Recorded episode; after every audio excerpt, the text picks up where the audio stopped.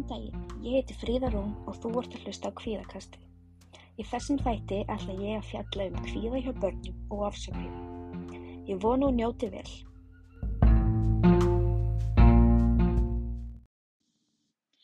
Kvíði hjá börnum getur verið svo margsnún og getur verið erfitt að setja puttan akkurát á rétta stað þegar kemur því að greina barnið með kvíða og hvers konar kvíða er um að ræða.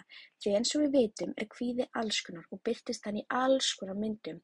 Ég tek hefði dæmi aðskilnaða kvíða, almenn kvíðaröskun, árætt og þráhugju, félagsfælni, kjörþöglu, ofsakvíða, sértækfælni, víðáttufælni með eða án ofsakvíða.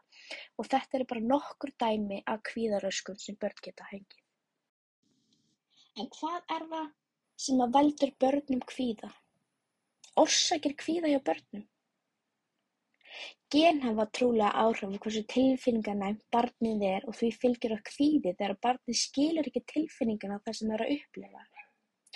Fjölskylduaðstæður og vandi innan fjölskyldunnar getur valdið kvíða, álög, áföll, félagslegir erfiðleikar og margt fleira.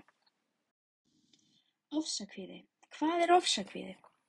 Ofsakvíði felur í sér endurtekin skyndileg ofsakvíða eða skelfingsköst eða þrálátar áhyggjur af öðru kasti og afleiðingum þess. Ofsakvíðakast kemur óvænt fram og nær hámarki á nokkrum mínútum og felur í sér gífurlegan ótta og óþægindi ásamt líkamlegum einkennum og óttavekjandi hugsunum. Óttinn eða áhyggjurnar geta leitt til þess að barnið forðast staði þar sem köstin hafa komið fram vegna ótta um annað kast. Þetta getur leitt til víðáttufælni og getur þetta átti varanleg skaðleg áhrif á börnin. Hvað er þetta að gera þegar barn fær ofsakvíðakast? Oft er gott að leggja barn niður á sófa eða rúm eða jafnvel gólf, setja sæng eða teppi yfir það þannig að finni fyrir að eitthvað sé að þrengja að. Oft er hægt að setja barnið inn í svona ákveðna púpu þannig að það geti ekki hreift hendurnar þannig að finni svona aðhlýðningu að sér. Einnig er gott að gefa barninu vasklas Leyfa því að róa sig, leyfa því að koma því út sem það er að segja eða grætur, leyfa því að gráta, leyfa því að upplifa tilfinninguna sem þið eru að upplifa.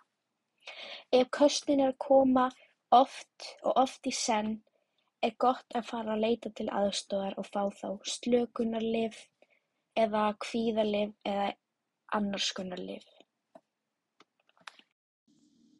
Hvað er hægt að gera? Hvað get ég gert til að barninu mínu líði sem allra best? Gott er að gera hlutina sjálfur eða barnið sjái aðra gera hlutina fyrst svo það viti að aðstæðurnar séu allt í góðu. Umbun er líka af því góða að umbuna barninu eftir aðstæður sem þau þótti erfitt að vera í. Sjálfstæð er einnig mjög mikilvægt. Að læra að takast á við óttan að barnið sín, finni sína leiði til þess að takast á við aðstæðunar. Einnig er gott að minka verkefnin í lítil skref taka bara eitt í einu, til dæmis við tökum nú dæmi að fara inn í bónus, að byrja því að lappa bara út úr bílnum, ok, við erum komin út úr bílnum, fara inn í andirið, ok, við erum komin inn í andirið, ná í kerru, að brjóta verkefnin í lítil skref mingar áhuginar hjá börnunum og finnst þeim verkefni mikið minna að lappa út úr bílnum, þegar við erum komin út úr bílnum búum við til nýtt verkefni, að fara ná í kerru, þá er verkefnið ekki jafn stórt og umfangsmikið eins og að fara að segja við barnið förum inn í Bónus að versla. Það er búið að minnka verkefnið í miklu minni bita sem reynist barninu oft miklu betur. Oft er líka gott að spyrja spurningan en ekki gefa alltaf svörin. Tökum til dæmi að barninu þykir erfitt að fara í leikskólan í staðin fyrir að segja það er alltaf læg að fara í leikskólan Það er bara gaman þar að spyrja en af hverju líður ekki vel í leikskólanum? Af hverju er ekki gaman í leikskólanum? Þá finnur barnið sjálft svörin við spurningunum og oft getur börnin fundið svörin sjálf og upplifa þá, ok, já, ég veit það er ekkert að. Ég fann það út sjálfur, en ekki alltaf að við séum að segja hlutina, því að þá finna börnin ekki lausnina sjálf.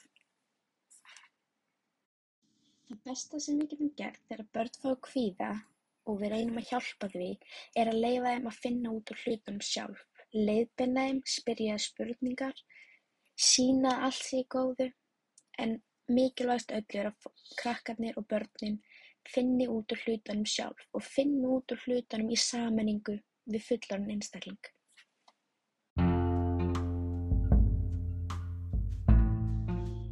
Þá er komið að lokum hjá okkur í dag og voni ég að þið hafi gætt gaman að og fræðstileginni. Ég heiti Fríða Rún og þetta var þátturinn Kvíðkastið. Takk fyrir mig.